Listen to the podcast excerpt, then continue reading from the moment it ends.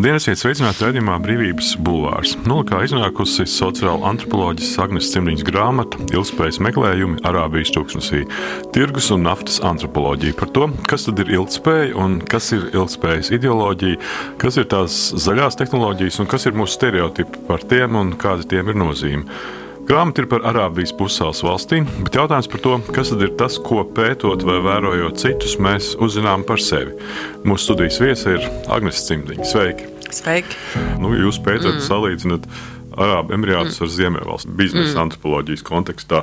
Kas tad īsti ir tā nu, Ziemeļvalstu identitāte? Man liekas, nu, mēs savulaik skaudīgi skatījāmies, ka Igaunija savu valsts mm. tēlu veidoja, sevi mm. pozicionējot nevis kā Baltijas valsti vai kā mm. valsti, bet uh, kā Ziemeļvalsti. Tas mm. uh, vienā brīdī beidzās, un šobrīd pēc kara Ukrainā mēs redzam, ka ka tādā politikas zinātnes vai starptautisko mm -hmm. notikumu kontekstā Baltija un Ziemeļvalstis tiek uh, liktas kopā. Mm -hmm. Kas laikam man šķiet arī nu, būtiski liek mums pašiem saprast, kas tad ir ar to mūsu nu, identitāti, vai kas ir tās brilles, ko mēs mm -hmm. paši uzliekam, skatoties mm -hmm. uz mhm. citiem un uz sevi. Tā izjūta jau sajūta ir tāda, ka īpaši pēdējo gadu laikā, skatoties uz mūsu austrumu kaimiņu rīcību, mēs uh, nu, lielākā daļa sabiedrības nu, saprotam ka tas tomēr nav tas kurs, un kad mēs drīzāk skatāmies uz ziemeļiem.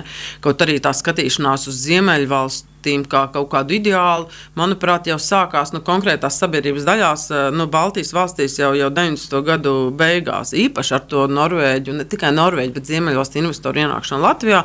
Un Ziemeļvalstu investoru Latvijā ir joprojām viena no, nu, Baltijā viena no lielākajiem.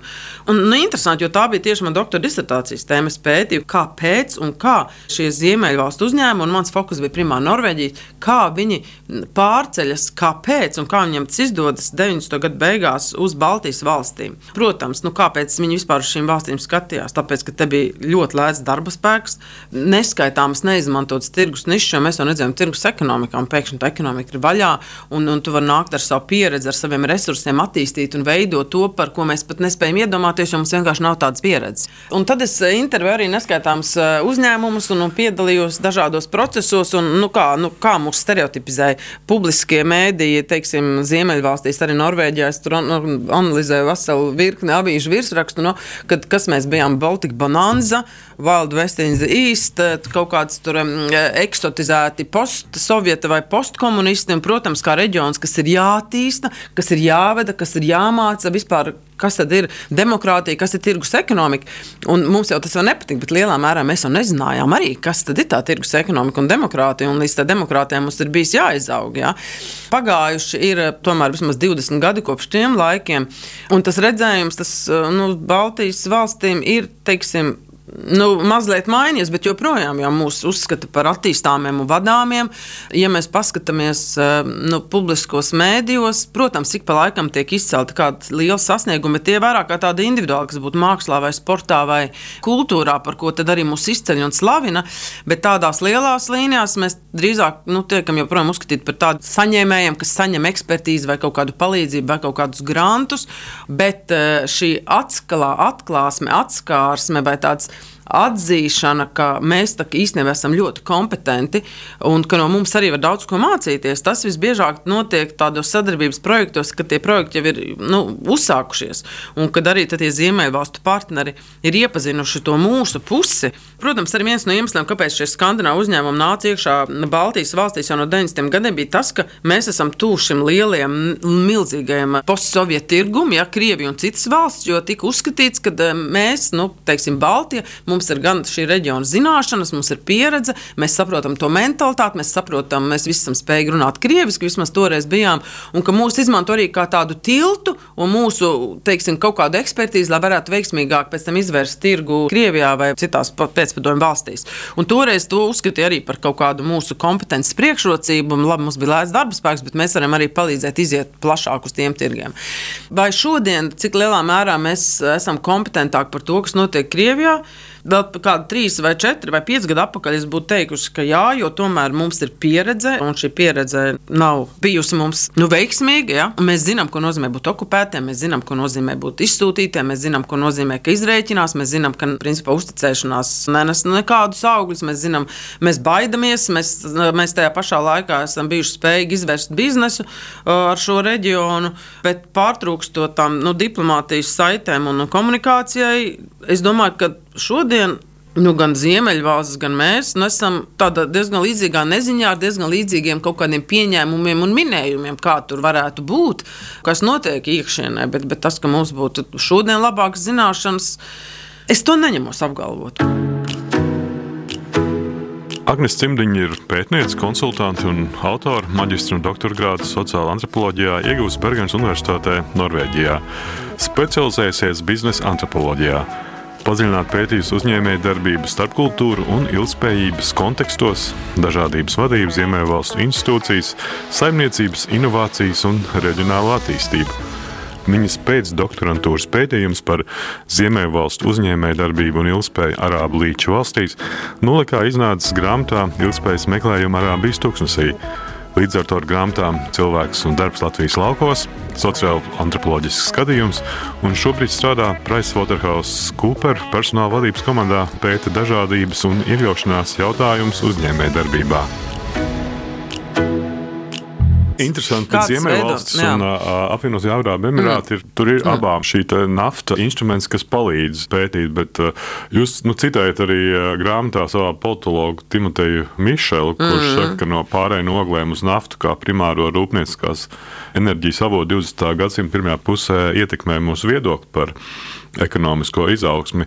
Bet eh, kas tad notiek 21. gadsimta sākumā? Mm. Vai tad nekas nav mainījies tajā, kas ietekmē mūsu ekonomisko izaugsmi? Es nezinu, mākslīgais intelekts, atjaunojamie resursi. Tas, ka mēs joprojām esam tajā progresā. Jo tā nafta vēl ir tas 20. gadsimta sākuma fenomens.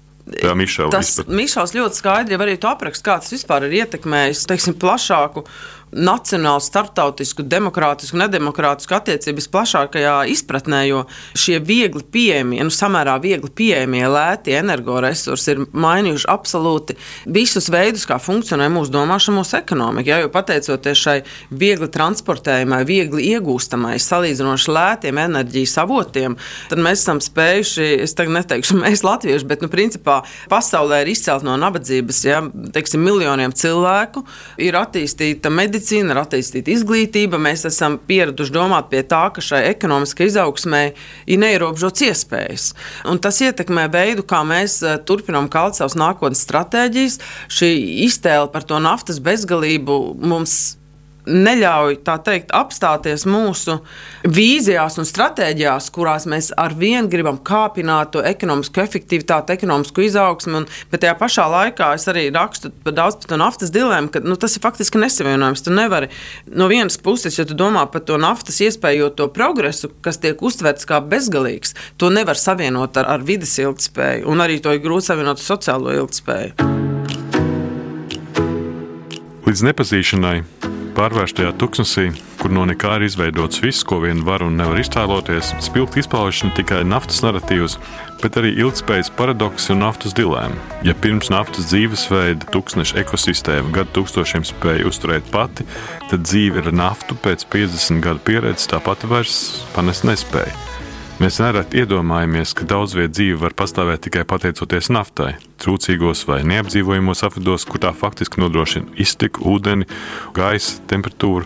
Taču no dzīvības iespējamības līdz neiespējamībei mēdz būt viens neliels solis. Bez saldūdens resursiem, ar ekstremālu karstumu un bez iespējas izaudzēt savu pārtiku, šīs tūkstošu valstis naftas pārpatēriņa pavadā kļūst ar vien ievainojamākas.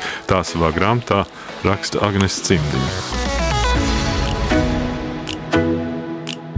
Nu, iedomājieties, ka gadsimtiem beduīni, jā, cilvēki dzīvojuši tūkstnesī, kur nav ūdens resursu. Kur nav nekas zaļš dabiski. Viņi tur spējuši pastāvēt, tā dzīve bijusi ļoti skarba, ļoti grūta. Nu, tāda apveltīta tiešām ar, ar izpratni par to, kā viņa ekosistēma darbojas. Un tad pēkšņi parādās šī nafta uz ļoti nelielu cilvēku skaitu. Un ārkārtīgi daudz naftas. Ja, tur ir gan izvēle trešdaļa vispār pasaules jēlnaftas uh, rezervju, kas vēl ir šajā reģionā. Nafta, kas ir mitoloģiski objekti. Ko tas nozīmē? Ja? Pirmām kārtām arī intervējot cilvēkus ar viņiem runājot, ko tas viņiem nozīmē arī vecākā, jo tas viss notika viens paudzes laikā burtiski. Tur tev nav nekā, tev nav ūdens, tev nav skolas, tev nav slimnīcas, tu dzīvo teltī, teltī notiek viss tā, tā principā tā dataļu un kamieļu ekonomika, un no dataļu lapām tu vēl saslēji mājas, no dataļu stēģot, tas ļoti uzturvērtībā tiešām bagāts produkts. Ja? No dataļpām lapām varbūt vēl pat kaut kāds svārks uzstājas, un kamielis ir tā vispār tūkstneša svētība, pateicoties kuram tur izdzīvot, jo tur ir tas, gan kā medicīnas avots, ja, ko tur var izmantot, teiksim, piens un pat kamieļu urīns, gan kā pārvietošanās avots, gan kā cilvēka labākais draugs, kurš bieži pat dzīvo ilgāk par, par cilvēku. Ja. Pēkšņi ārkārtīgi daudz pieejama naftas resursi, nu vienkārši neaptverama bagātība. Un, protams, kas palīdz izcelt tos cilvēkus no nabadzības, no ļoti grūtiem dzīves apstākļiem, un parādās pirmās skolas un pirmās slimnīcas. Un, un to, ko šie īpaši vecākā gadagājuma cilvēki, ko es intervēju, kur runā, viņi saka, viņiem nafta primāri jau nozīmē, ka viņiem beidzot ir ūdens, jo tur nav ūdens, saldūdens. Dzeramais ūdens nav. Bet, nu, jūs savu jauno grāmatu dēvējat par ilgspējas ideoloģiju. Ilgspējas meklējumu. Jā, jā. ilgspējas meklējumu. Jā. Bet tā, nu, šis jēdziens, ilgspējas ideoloģija, manuprāt, tas ietver tādu zināmu nu, skepsi vai aizdomus uz šo vispār pieņemto pozitīvo, politiski pozitīvo jēdzienu ilgspēju. Mm. Jā. Jo, ja tam pieliek klāt nu, ideoloģija, tad tas, ne, tas kļūst jā. kaut kas, ko cilvēks saka, aizdomīgi, ja kaut jā. kas ir ideoloģija. Bet, bet nu, tāds arī ir viens no tiem maniem grāmatas mērķiem izgaismot šos ilgspējas paradoksus. Jo ļoti bieži šajās ilgspējas iniciatīvās, un es nerunāšu tikai par to reģionu, tas faktiski jau pie ilgspējas tas nenoved.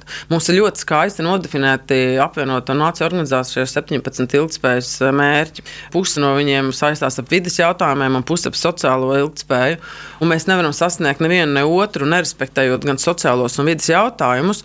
Un, protams, ka uzņēmumiem, politiķiem, valdībām tas tagad ir tas primārais sauklis. Mēs visi runājam runājam par ilgspēju, bet vai tas praksē pie ilgspējīgas ekosistēmas ir novedis? Nu, es teikšu, ka nē. Un analizējot daudz no šīm ilgspējas iniciatīvām, tas tieši tas, ko es daru, kā teikt, rāpojot lupu pa tūkstnesi, skatoties, analizējot konkrētas tehnoloģijas, kas tiek ieviestas un attīstītas ilgspējas vārdā, un ja tu tiešām analizē līdzi, ko šo tehnoloģiju ieviešana nodara ekosistēmai un dabai, tad tu redzi, ka tur īstenībā varbūt nekas vairāk kā zaļa krāsa nav ko maksā ekosistēmai stāvītā tuksnesī, kur ir plus 50 grādi un saldūdens nav vispār audzēt tomātus. Lai it kā mēs būtu zaļi, tas prasa vienkārši abnormālu ūdens patēriņu, kurš vispirms ir jāatsāļo. Atsāļojot šo ūdeni, e, šis sāls ūdens nonāk atpakaļ jūrā. Jūra arī kļūst ar vien sāļāka, ar vien nedzīvot spējīgāka. Un tas ir tā mērķa vārdā, lai mēs, piemēram, varētu tūkstnesī izaudzēt šos tomātus. Protams, progress pierādīt, ka mēs varam neiespējamo, jo mums ir tehnoloģijas. Mums ir jāatbalsta tehnoloģijas. No viedokļa nebūtu arī īsti korekti mūsdienu Latvijā ziemā ēst tomātus. Jā, ja mēs skatāmies, kā viņi ir audzēti, nu, nu, varbūt mēs viņus esam importējuši no kaut kurienes, bet teiksim, cik mēs patērējam to resursu, lai to tomātu. Jā, nu, nu, bet tā sanāk, ja tu tiešām analizē visu šo ķēdi. Tu sāc rēķināt, tad tu nonāc pie secinājuma, ka tas ir ārkārtīgi neracionāls un neilgspējīgs veids. Un nu, kāpēc... Jūs arī ironizējāt jā. par Latvijas vai par Eiropas jā. vidusslāni grāmatā rakstot, mm. Viens tipisks Eiropas viduslāņu pārstāvis rūpīgi šķiro atkritumus savā ikdienā, bet tajā pašā laikā dodas komandējumos un ceļojumos ar lidmašīnām, kuras prasa šo fosīlo enerģiju. Tad ir dubult morāls, vai kā to varētu nosaukt. Tam pat laikam bija jēdziens antropoloģijā Jā. ieviests, kā Jā. šāda veida situāciju vai problēmu aprakstīt. Protams, ka šos paradoksus un šīs dilemmas mēs nu varam novērot uh, arī šeit, un arī citvietā. Vienkārši šis, šis arābu līča reģions, kur ir tie milzīgi naftas resursi, jā, dubultā saites jēdziens, ka nav savienojumi it kā tā tieksme nemitīgi progresēt ar ilgspējas būtību. Nu, tas nav savienojams, un kaut kādā brīdī tas ir jāsaprot, ka mēs nevaram, šie dabas resursi nav neizsmeļami. Un ironizējot par mums Bet pašiem, tas brīdis vēl nav pienācis. Es domāju, ka tas brīdis ir pienācis, un mēs sākam apzināties, uh, ka mēs esam daudzajā ziņā atkarīgi arī no šīs naftas ekonomikas, jo mēs jau paši arī no, no kādas enerģijas mēs dzīvojam. Ja? To es arī grāmatā devēju par naftas kultūru, jo tā naftas kultūra caurvīja mūsu izpratni par labu dzīvi. Jo mēs jau ikdienā nekalkulējam, nu, teiksim, kuras kustības, eh, kuras mūsu iztēles, kurus mērķus definē nafta. Bet faktiski nafta tā ir tā lētā enerģija, kas ir bijusi pieejama, kas mums ir sniegusi iespēju dzīvot tā, kā mēs dzīvojam. Un ne jau tikai mums, bet visā pasaulē. Nu, teiksim, tā tā prece, kas caurvīja ekonomisku izaugsmu visā pasaulē kopš nezinu, 20. gadsimta vidus. Un arī salīdzinot, piemēram, lasot to pašu Tomasu Hilnu Eriksonu, kas ir viens no tādiem atzītākiem Eiropas antropologiem, Norvēģis, ja, viņš ļoti skaidri apraksta arī akali cipariem, jo cipari jau it kā antropologiem cipari nepatīk, bet ja tu pasaki ciparu, tad tas ir fakts un tas tev liek vieglāk kaut ko izprast. Ja 18. gadsimtā bija viens miljards iedzīvotājs pasaules, tad šodien mēs esam nu, kaut kur pie 8 miljardiem. Ja? Teiksim, ja šis iedzīvotājs skaits ir varbūt nu, septiņkāršojies, astoņkāršojies, tad šis enerģijas patēriņš ir vismaz nezinu, 30 reizes nu, vairāk kāršojies. Un tas nozīmē, ka viens ir tas ārkārtīgais, nu, augstais iedzīvotāju skaita palielināšanās, kas arī ir apzināta rīcība. Latvijā tas nenotiek, bet tā kā tajās tuvu austrumu sabiedrībās tas notiek. Jo, ja mēs paskatāmies, teiksim, kaut vai uz to pašiem e, Emirātiem, ja, laikā, kad atklāja naftu, bija simts reizes mazāk iedzīvotāji nekā šodien. Un, un šis iedzīvotāju skaits, nu, protams, tas nozīmē viens, ka tas nozīmē arī ekosistēmas noplicināšanu, kas jau iepriekš tur bijusi ļoti knapa, bet arī šīs vēlmes, šī, šī izpratne par to, ko mums naftas ekonomika dod, tas iespēju klāsts neaptveramais, ko mēs vēlamies izmantot, tas ar katru dienu tikai aug un aug un aug, un tā ekosistēma jau sen to vairs nespēja panest. Bet ņemot vērā to, ka mums ir milzīgs naftas resurss, ko mēs uzskatām par bezgalīgiem, ņemot vērā viedās tehnoloģijas, tad arī šis viedo tehnoloģiju izmantošanas veids savā veidā ir kā tu it kā pārvērt to ilgspēju par tādu tehnoloģiski pārvaldām problēmu. Un faktiski caur šīm viedām tehnoloģijām, ko mēs attīstām arī ar no naftas iegūtu peļņu, it kā ilgspējas vārdā, mēs faktiski paildzinām to savu spēju dzīvot nu, neatbildīgi un, un neilgspējīgi. Bet nu, jūs grāmatā rakstat par naftas kultūru, naftas antropoloģiju. Mm. Grāmatā man liekas, bija tāds pats citāts, ka arābiem nafta ir viss. Nafta ir ūdens, nafta mm. ir zaļa zālīte, mm. labklājība, mm. drošība, izglītība, pārtika. Un es šajā kontekstā atcerējos, ka pirms desmit gadiem, man liekas, iznāca Vitālija Maņska filma mm. Truba kas stāstīja par Krieviju, par tām vietām, kas dzīvo ap to gāzes trubu, kas gāja uz uh, Eiropu no Krievijas. Mm -hmm. Un par to nabadzību un par to sociālo situāciju, kurā atradās visi tie krievi, kas dzīvo ap šo trūku. Un tad uh, nu, interesanti ir nu, liekas, salīdzināt, vai mēs varam salīdzināt nu, to gāzes antropoloģiju un mm. naftas antropoloģiju. Kā, kā mēs tagad redzam, tad gāzi nu, Ukraiņas kontekstā krieviem beigās bija ieroči, ietekmes pirkšana, un tās sekas mēs redzam. Vai ne, nu, par gāzi, gāzi antropoloģiskā izpratnē arī? Nē, nu, par fosiliem resursiem, par gāzi. Nu, es pati, teiksim, uz gāzi neesmu tik ļoti teiksim, pētniecībā fokusējusies. Un, un antropologi varbūt ir viena no tādiem paškritiskākajiem pētniekiem, kas nu, neuzdrošinās apgalvot daudz neko par to, ko paši nav pētījuši. Bet uh, to, ko jūs minat par ietekmes nu, pirkšanu vai ietekmes nostiprināšanu, ietekmes izvēršanu caur energoresursiem, protams, kad arī nu, tajās nafta vai tās būtu naftas ekonomikas vai gāzes ekonomikas. Nu, Protams, ka tas ir fakts, bet kā mēs to resursu pārvaldām, kā mēs viņu izmantojam. Un, un teiksim, arī šajās austrumu sabiedrībās, kurās ir šie bagātie nu, naftas resursi, arī viens cits iemesls, kāpēc to zaļo transformāciju ir grūti panākt, ir tas nu, savā ziņā tas sociālais kontrakts, ko arī teiksim, šī visa lielā turība, kas ir nākusi ar šo naftu un arī ar gāzes resursiem, protams, tur arī ir daudz gāzes resursu, nozīmē to, ka vietējiem pilsoņiem, ja kas ir absolūti mazākā sabiedrības daļa, visiem pilsoņiem nodrošināts ļoti dāsnas garantijas, eh, tiek subsidēta elektroenerģija, ūdens, eh, degviela. Principā tiek nodrošināta ļoti, ļoti, ļoti laba dzīve, ko šie bagātīgie naftas resursi pieļauj. Ja? Bet pretī tiek saņemta tāda bezieruna paklausība. Cilvēki ir ļoti labi nodrošināti. Tagad mēs runājam par pilsoņiem, jā, un, un teiksim, apvienotā Arābu Emirātos tie varbūt tikai nedaudz vairāk par 10% tie vietējie viņiem. Un līdz ar to tu esi ļoti labi nodrošināts bet pretī tu dod savu nu, tādu tā paklausību, bet arī tāda milzīga tā cieņa pret tiem savas valsts vadītājiem. Ja vismaz tas, kā es to izjūtu, tur, ka viņi tiešām ļoti lepojas savas valsts vadītājiem, jo, jo valsts ir nodrošinājuši šo milzīgo izaugsmi, spēju būt labākajiem visās jomās, arī kā viņi runā paši par sevi. Tas varbūt naftas ekonomikām ir arī nu, raksturīgi. Arī Norvēģiem liekas, ka viņi labākie daudzās jomās ir. Jo nu, ir acīm redzot, šī energoresursu bagātība dod pašapziņu, dod starptautiskas ietekmes vērienu. Tad jautājums ir, ir, kā mēs to mm, pārvaldām, kā mēs to pārvēršam nu, teiksim, ilgspējīgākā dzīvesveidā, vai tas vispār ir savienojams. Vai pēdējo 20 gadu laikā mainījies tas, kā uztveram Orientu? Būtiski nē. Klāt nākuši jauni kari, jauni nemieri, jaunas bailes. Viens no spilgtākajiem domātājiem, kas kritiski vērtē rietumu attieksmi pret Orientu, ir palestīniešu literatūras zinātnieks Edvards Saīts, kurš 78. gadā aizsāka orientālismu debatas, kas turpinās joprojām. Saīts apgalvoja, ka lielākā daļa rietumu autoru un pētnieku raugās uz tuvo austrumu reģionu caur etnocentrismu brillēm. Tādējādi radot iedomātu orientu, kurā primārā raksturiezīme ir tā, ka tas ir ārkārtīgi atšķirīgs no oksidenta rietumiem. Tā savā grāmatā raksta Agnēs Cimdiņa. Kādā ziņā nu, mēs tieši šobrīd redzam, ka šis etnocentrisms ir tas, kas mums traucē saprast notiekošo šajā reģionā, nu, kaut vai mm. piemēram Gazā. Par to austrumu reģionu, protams, ir ļoti grūti runāt kaut kādās viennozīmīgās kategorijās. Un es noteikti neesmu. Šis reģions šobrīd ir jā, starpnieks. Mēs redzam, ka Katāra spēlē zināmu lomu reģions, konfliktu jā. risināšanā un tam līdzīgi. Mm. Nu, es tiešām atzīšu, ka izpratnes mums par šo reģionu joprojām ir ļoti maz. Arī pašai pētot šo reģionu teiksim, trīs gadu garumā. Protams, pēc antropologa pieejas izvēloties, teiksim, mans fokus tiešām bija uz uzņēmējiem, kas mēģina sadarboties un kā tā kultūra, sociālā vide apkārt ietekmē to sadarbības potenciālu. Ja? Bet izprast pēc būtības visas nianses šajā sabiedrībā, jo arī to trīs gadu laikā, protams, ir pilnīgi neiespējami. Un par tām etnocentrisma brīlēm, to, ko arī Edvards Seīds saka, ja, ka, jā, ka mēs uz savu kaut kādu aizdomu, baiļu, mm, aizspriedumu pamata Nu, savā mērā mēs uh, mistificējam, jā, jo neviens cits pasaules reģions, manuprāt, nav tik ļoti mistificēts kā tie tuvie austrumi. Un, un, ko tik mēs nepiedēvējam tuvu austrumu vīriešiem, tuvu austrumu sievietēm, pat vispār viņus nepazīstot.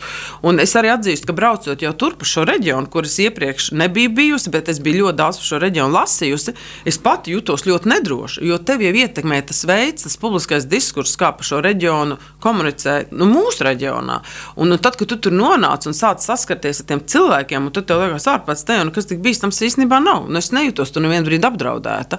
Tur bija, protams, sarežģīti navigēt tajā dažādībā, un es uz, tiešām uztvēru šo, šo reģionu kā ļoti daudzjādā ziņā atšķirīgu un citādu, un man nācās tiešām nu, tādam, ja mēs runājam par to baltās lapas principu, tiešām no jauna apgūt to, kā vispār tu tur var iegūt cieņu, kā vispār veidot uzticēšanos, lai mēs vispār varētu sākt runāt par biznesa sadarbību. Tā biznesa sadarbība līdz taisnībai nonāca varbūt tikai kaut kādā otrajā gadā vai pat jau uz beigām, jo kamēr tu saproti, kā tajā sabiedrībā cieņpilni e, tikt pieņemtam, kā veidot uzticēšanos, kas notiek pilnīgi atšķirīgi teiksim, no tā ziemeļvalstu konteksta un paradoxālā kārtā gan ziemeļvalstīs, gan austrumos. Ja, šis uzticēšanās resurss tiek eh, nu, uzskatīts par to zeltu, ja, par to veiksmes stūrakmeni, bet tā uzticēšanās tiek ģenerēta un viņi izpaužas pilnīgi atšķirīgos veidos.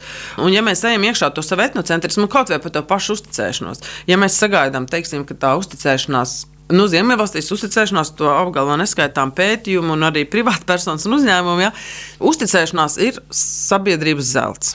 Un pateicoties šim augstajam uzticēšanās līmenim, un Ziemeļvalstis ir nu, principā, uzticēšanās čempions, līdzīgi kā līdztiesības čempions un demokrātijas čempions. Tiešām šīs valstis nu, kaut kā ļoti labi spēja navigēt ja, šajās demokrātijas pamatvērtībās, jāteic.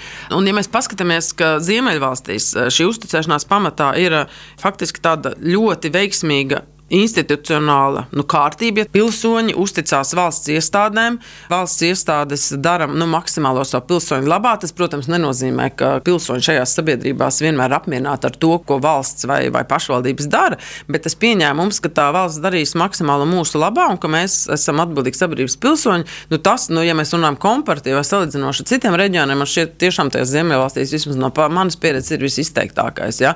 Un šis institucionālais mehānisms nozīmē arī to, ka tu neesi atkarīgs no kaut kādām konkrētām sejām vai pazīšanās iezīmēm, lai tu varētu tikt pie pakalpojuma vai lai tu varētu nu, veiksmīgi tajā sabiedrībā navigēt. Līdz ar to es to esmu nosaucis par tādu diādisku vai tādu e, uzticēšanās saikni, ka cilvēks vai viņa veidotā biedrība un valsts vai valsts teiksim, institūcijas savstarpēji sadarbojas bez nekādas nepieciešamības pēc savstarpējām pazīšanām. Absolūti bez nekādas. Savukārt, tuvu austrumu sabiedrībā šajā reģionā. Pretēji, ja? Tur ir pretēji, ka, tu, ja tev nav tas tavs starpnieks, teiksim, tas konkrētais cilvēks, kas tev palīdz veidot to saikni, vai ieeju tirgū, vai vispār izprast, kā lietas notiek, tev ir vajadzīgs visu laiku šis starpnieks, ko viņi sauc dažādos vārdos. Cits par sponsoru, cits par nu, vidutāju. Ja? Sponsors nenozīmē, ka viņš tev kaut ko maksā. Tu īstenībā maksā viņam par to ietekmi, ko viņš tev nodrošina ar to, ka viņam ir konkrēts vārds un konkrēta seja, kā viņš tev paver durvis vienā vai otrā virzienā. Un šo uzticēšanos uzticēšanos tādā gadījumā šiem Ziemeļvalstu uzņēmējiem, kas iet tuvu austrumu tirgu, nodrošina nevis šī uzticēšanās valsts iestādēm, bet konkrēti cilvēki, konkrētos vārdos, konkrētos amatos, kam viņi maksā naudu, leģitīmā veidā, jo tas ir sakārtots tā, ka teiksim, tu slēdz konkrētus līgumus ar konkrētiem cilvēkiem, kas tev palīdz tur navigēt. Radījums Brīvības Bulvārs. Sarunas par to, kas notiek un ko mēs par to varam domāt. Jūs rakstat grāmatā, ka mazākos mērogos dzīvotas dzīves var neatbilst uh, lielajiem mērogiem. Tas tāds varbūt retorisks jautājums, bet kas tad ir tie mūsu sabiedrības lielie mērogi, ja domājam par Latvijas sabiedrību, kuros mēs neieraugām to, ko jūs saucat par mazos mērogos dzīvotajām dzīvēm? Mm.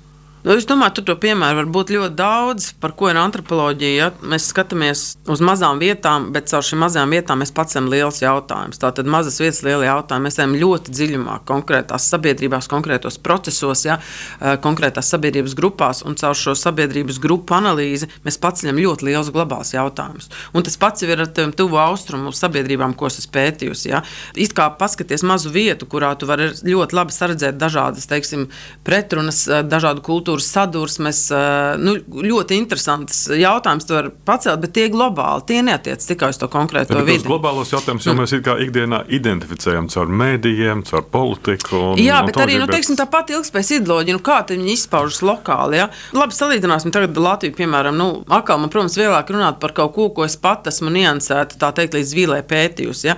Kaut vai tie paši latviešu, mm, nu, Latvijas sīksaimnieki, kas nu, lielāko daļu Latvijas saimniecību saimniecība jau veido mazas saimniecības. Ja? Mums lielo saimniecību ir, ir, ir ļoti maz.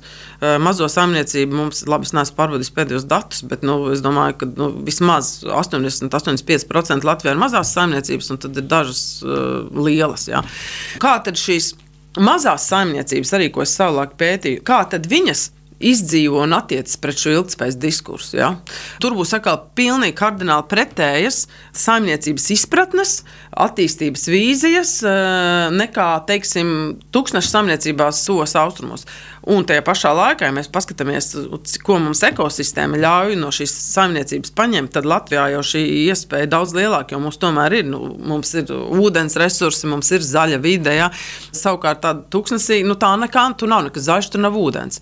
Bet atkal attīst, šis attīstības vēriens, šis, šī izpratne par to, kas būtu jāsasniedz un kādā veidā ir kardināli atšķirīgs. Tūkstnesī vajag sasniegt daudz vairāk, tur ir tā izpratne, ka mēs varam jebko no tā tūkstneša izspiest, kaut arī tur īstenībā fiziski tiešām nav ko izspiest izspiest. Tur ir tikai smilts. Savukārt, eh, sīksaimnieki.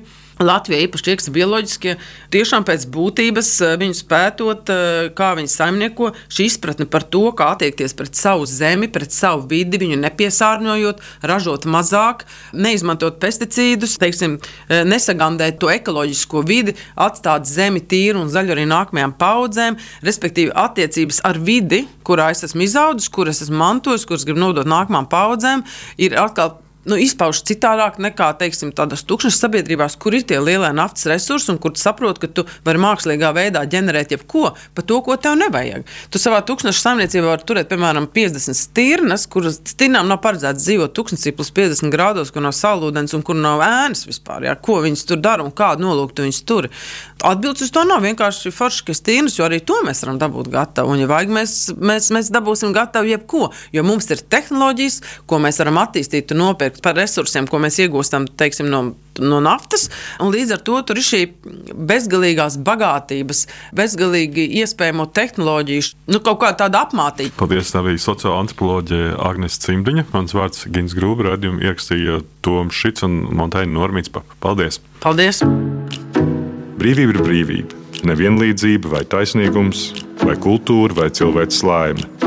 Tā teica Iesai Berlīns sarunas ar brīvas apziņas un ideju cilvēkiem raidījumā Brīvības Bulvārs.